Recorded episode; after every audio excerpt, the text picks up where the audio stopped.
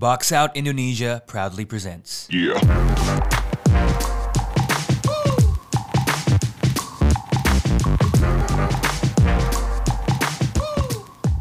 Oke, tadi kita habis serius dikit-dikit ya. Kita santai ke Disneyland sekarang, Orlando Magic. Jadi basically dari kita habis shit, yaudah ya kita langsung geser aja. Shortest episode. ya.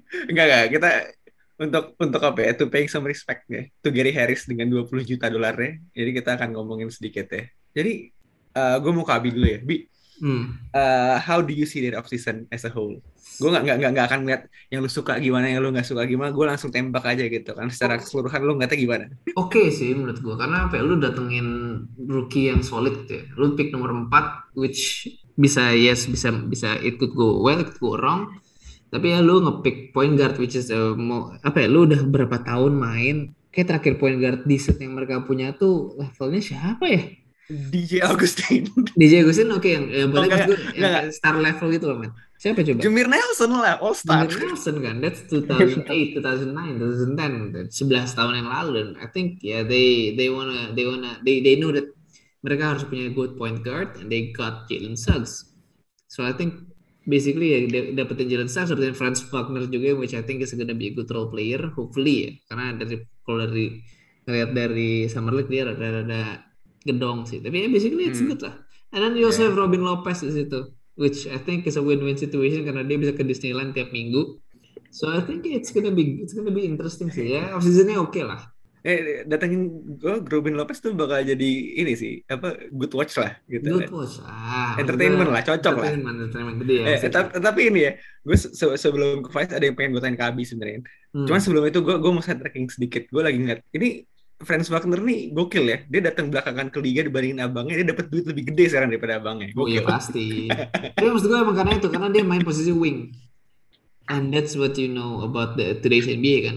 They value wing over big man. Over bigs, it. yeah, yeah. Nah, ini sebenarnya eh, pertanyaan terbesar gue soal Magic ya, dan gue langsung lemparin karena lo udah menyentuh gitu kan.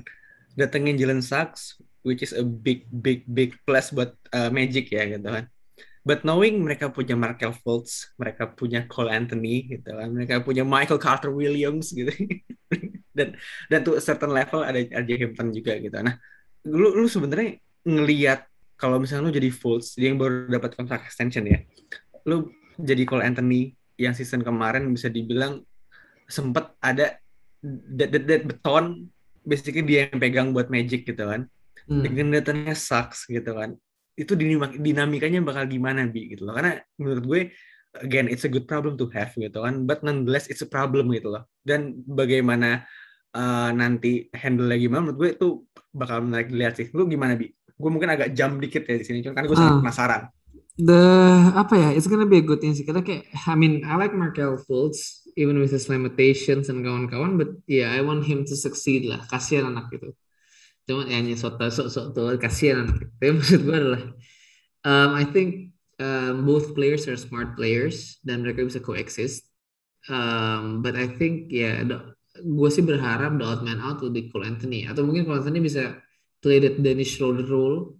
Jadi I can see in two in two to three years kalau misalnya mereka stick with this um, rotation, ya mereka punya tiga guard yang bisa turun bersamaan gitu. You have the steady point guard in Jalen Suggs.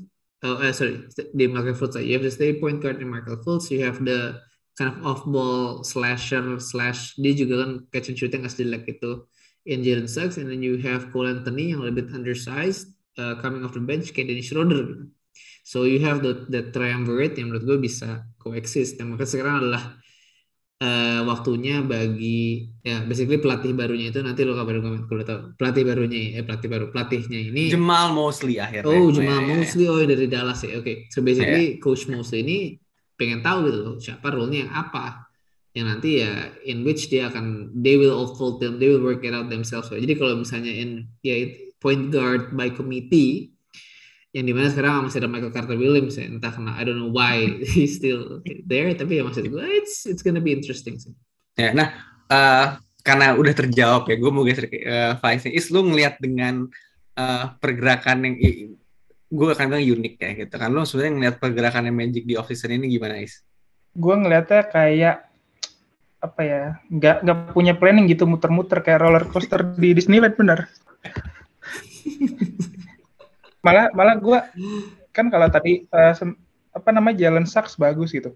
Cuma menurut gue ini uh, contoh kalau misalkan franchise nggak punya plan karena dia itu udah punya dapat Fultz ngambil Fultz abis itu dia tahun lalu pick Cole Anthony abis itu sekarang pick uh, ball handler lagi. Karena menurut gua kan kalau bangun tim franchise itu kan kayak puzzle ya lo kumpulin piece-piece puzzle-nya lo kumpulin satu-satu matching apa enggak gitu. Nah sekarang nih gue kayak ngeliat dia tuh ngambil piece yang sama tapi ini tuh udah ketiga kalinya gitu dia ngambil piece yang sama. Jadi gue kayak ngeliat ada fit yang bagus di situ.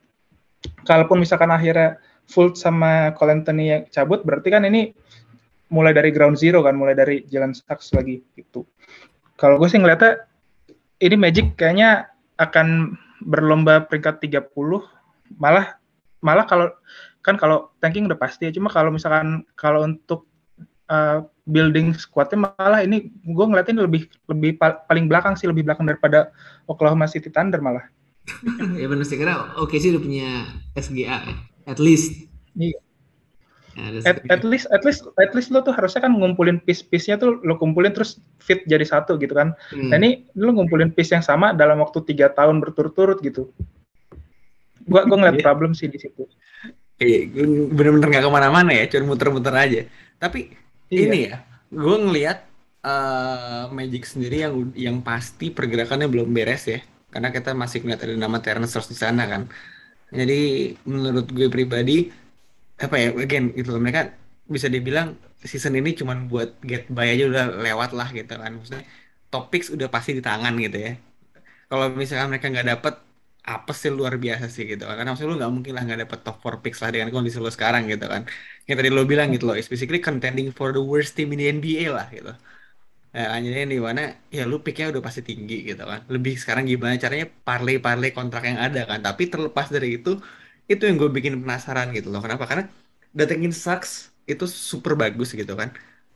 Dan terlepas tadi gue tanya implikasinya gimana gue jadi mikir uh, mempertanyakan gitu kan that Markel Fultz kontrak extension gitu kan karena baik lagi gitu loh yeah. ketika dia datang ke Magic pun juga sebenarnya dalam tanda uh, dalam sifat ya dia harus meridim nama dia sendiri gitu kan dan kalau misalkan ngeliat lagi juga sebenarnya he's done good he's done okay-ish lah gitu kan maksudnya still not warrant him that contract extension gitu loh. Maksudnya nothing against Fultz, tapi dia dapat 15 million plus per year ya.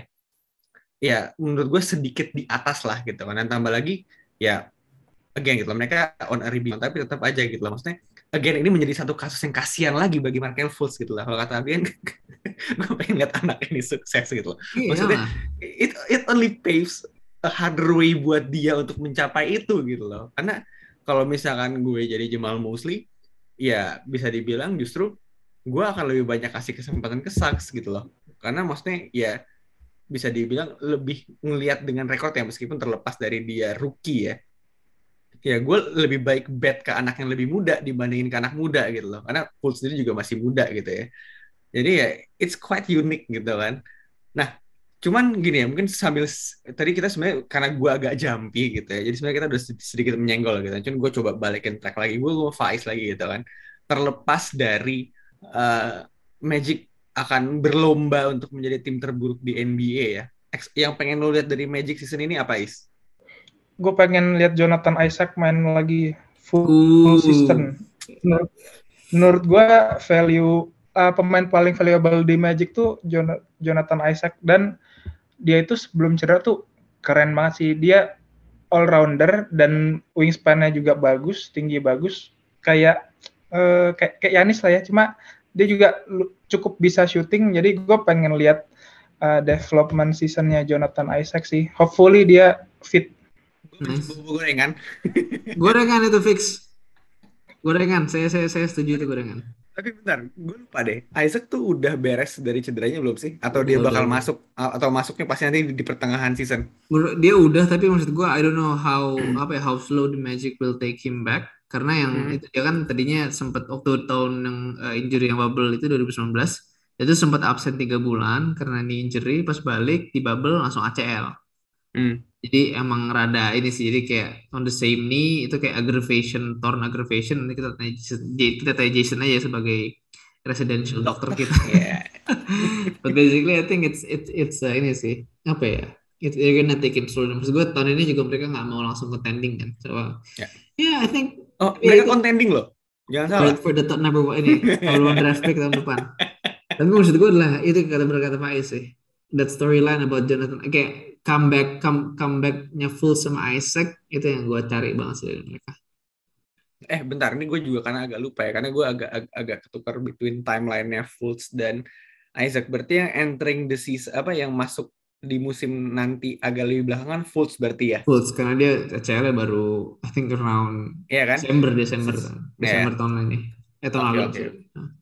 Oke oke, berarti at least yang kita omongin soal Fultz saya di awal musim nggak bakal kelihatan karena otomatis uh, yang akan main Saks dan uh, Cole Anthony ya. Jadi harusnya itu baru ada entering the mid season gitu ya. Nah, yang gue sebenarnya uh, sebelum ke lobby ya, yang gue agak penasaran adalah kita kan tadi banyak ngomongin soal gimana dead point guard rotation gitu kan, karena ya not good tapi deep gitu loh, karena yang di mana pasti akan rebutan gitu loh. On the other side of the court gitu loh, gue ngeliat dengan adanya nama Mubamba Mau yang, sa- bang, bang. ya- ya- yang somehow baru, uh, baru dapat extension juga ya. Ada nama uh, Moritz Wagner, si kakak gitu ya. Ada nama Robin Lopez dan ada nama Wendell Carter Jr. Dan ada nama satu gue throw just for the sake of the name ya, Cuma OKK. Cuma ya, maksudnya uh, again gitu, tidak bagus. Tapi gue pengen lihat uh, Mubamba dan Wendell Carter Jr. terutama ya. Gue pengen lihat mereka bisa dibilang menjual nama mereka lebih bagus season ini ya. Karena gue ngeliat uh, Wendell Carter Jr. agak sakit hati kan ya. Bagaimana Bulls melepas dia tanda kutip gitu aja ya. Ya meskipun kalau dari kacamata Bulls buat push ya melerem lah gitu kan. Maksudnya uh, dengan ngeliat gimana a glimpse yang dia kasih di Magic kemarin ada sedikit ada sedikit chip gitu. Kan dia pengen ngebuktiin kalau misalnya itu sebenarnya bisa gitu. Kan gue pengen lihat uh, Wendell Carter juga main bagus sedikit menggoreng tapi ini eh, emang gue pengen lihat dia bagus gitu ya. For the sake of my fantasy team. Gue pengen lihat Mubamba bagus gitu kan. Karena uh, ketika Bamba masuk kan bisa dibilang dia dicap sebagai mentah gitu ya tapi ada sedikit that sense of unicornnya juga kan gitu kan karena dia digadang-gadang bisa bermain offense gitu kan, but defensively he is also sound gitu. Karena gue pengen lihat on a healthy season gitu kan sebenarnya apa yang bisa dia bawa gitu karena again sejauh ini kan dia ya mas sayangnya juga layaknya pemain Magic yang lain ya always lingering dengan cedera gitu ya. Terus sama yang terakhir gue pengen lihat sebenarnya Terran Ross akan ke mana ya terlepas dari uh, tadi gue di awal sempat bilang Gary Harris dengan kontraknya yang lumayan gede itu juga gitu kan. Cuman basically gue pengen lihat uh, bagaimana itu berjalan buat Magic sampai akhir musim ini gitu karena cuma kalau lebih gitu kan buat Magic yang pengen lo lihat di season ini apa? itu tadi those two guys coming back from injury gue itu doang sih cukup. Hmm. Eh, berarti sebenarnya kita menyentuh cukup banyak ya, menyentuh semua dari Magic. Mungkin sebelum gue tutup, Faiz mungkin lo ada yang pengen lo sampaikan lagi soal Magic sebelum kita geser lagi. Hmm, gue cuma berharap si Jamal Musli lumayan lah di Magic karena dia ex Mavericks.